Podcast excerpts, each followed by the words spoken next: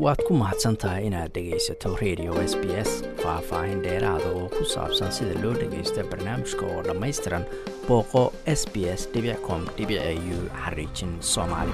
Dhowaan s b s soomaali waxaa u suurto gashay inay booqato xubno ka tirsan jaaliyadda soomaalida ee degan magaalada beth ee gobolka west australia halkaas oo ah magaalo ay degan yihiin jaaliyad ballaarani waxaana waraysiyo arrimoa kala duwan taabanaya la yeelanay xubno ka tirsan jaaliyadda. Waxaa ka mid a dadka aanu la kulanay luul ibraahim oo aasaastay somaali support perth waxayna nooga warantay howlaha ururkaasi uu qabto. Marka hadda waxaan joognaa alaantaneto hillview intercoach community center. Um, buildingkanetona part of my jobkeyga waxaa waa as ambassador and aan isku xiro soomaalida communityga iyo city of canning aan u taaganahay waxaan programnana meesha waan ku dhignaa oo ka mid ah carruurta soomaali inaan af soomaaliga ku barno.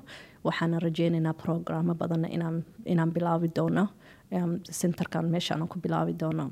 Meeshana waxay leedahay maxaa la dhahaa waxaa ka socdo programyo badan casharo badan qolol meeting lagu lahaan karo ama hadda shirar nooc kastay noqoto waxay kaloo leedahay maxaa la computer computer rooms.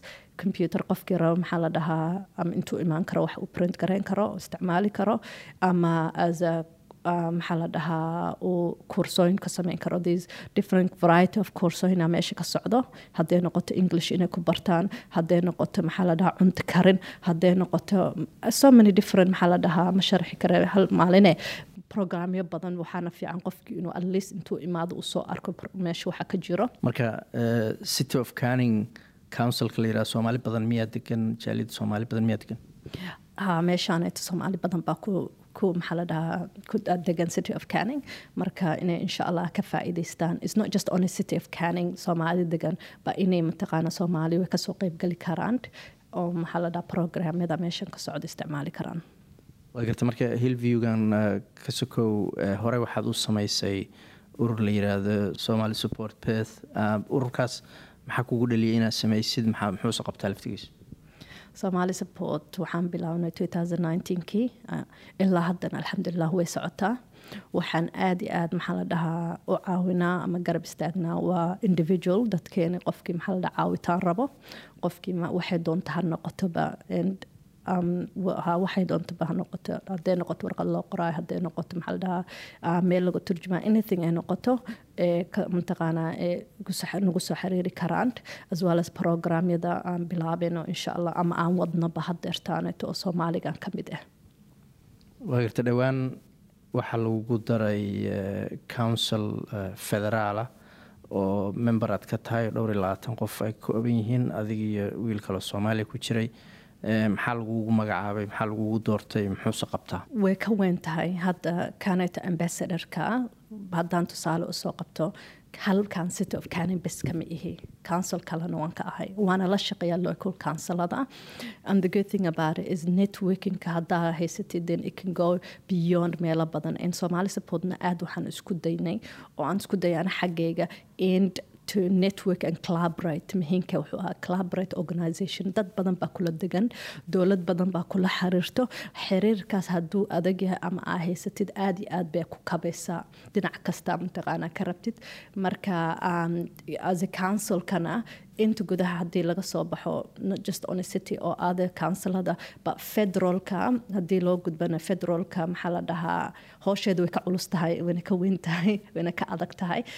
Hopefullyna welina maadan bilaabin because wax walba waxay ku xiranta haddeertaan waa tii labor ee qabsatay. Marka waan ka warsugeynaa maxaa la dhahaa inay shaqadeena halkaasitaan ka wadi karno. Hadda aada waxaa looga cawdaa qiimaha maciishada cuntada batroolka marka bulshada soomaalida baahiyo gaara ma jiraan ama dhibaatooyin aad ka caawisaan oo matalan qarash la'aan ama biilasho ay bixin waayaan soomaalida badanaa waxyaalaha baahida ugu badan waa guriga xagga guriga ama evacuation ha noqoto ama guri ha looga bixiyo taasa ugu mataqaanaa challengiga ugu weyn tahay especially waxaan nahnay dad caruuro badan haysato. So guri hadda saddex qol mataqaana ama afar boqol hadaa raadinaysa adigoo toddoba ama sideed carruur haysato way ku adag tahay xitaa ma fiirinayan incomeka iyo qofka muxuu ka shaqeeyaa. Sometimes incomeka xitaa waxaa laga yaabaa inay xitaa incomekeena too high ahayn oo matalan mataqaanaa taxiilo uu ninka yahay ama mataqaana hooyada dek oo yar tahay. Sometimesna waxaa laga yaabaa qof kale inuu incomekiisa siyaada ay kaa siiyaan na fiiriyaan inta carruur baa haysatid.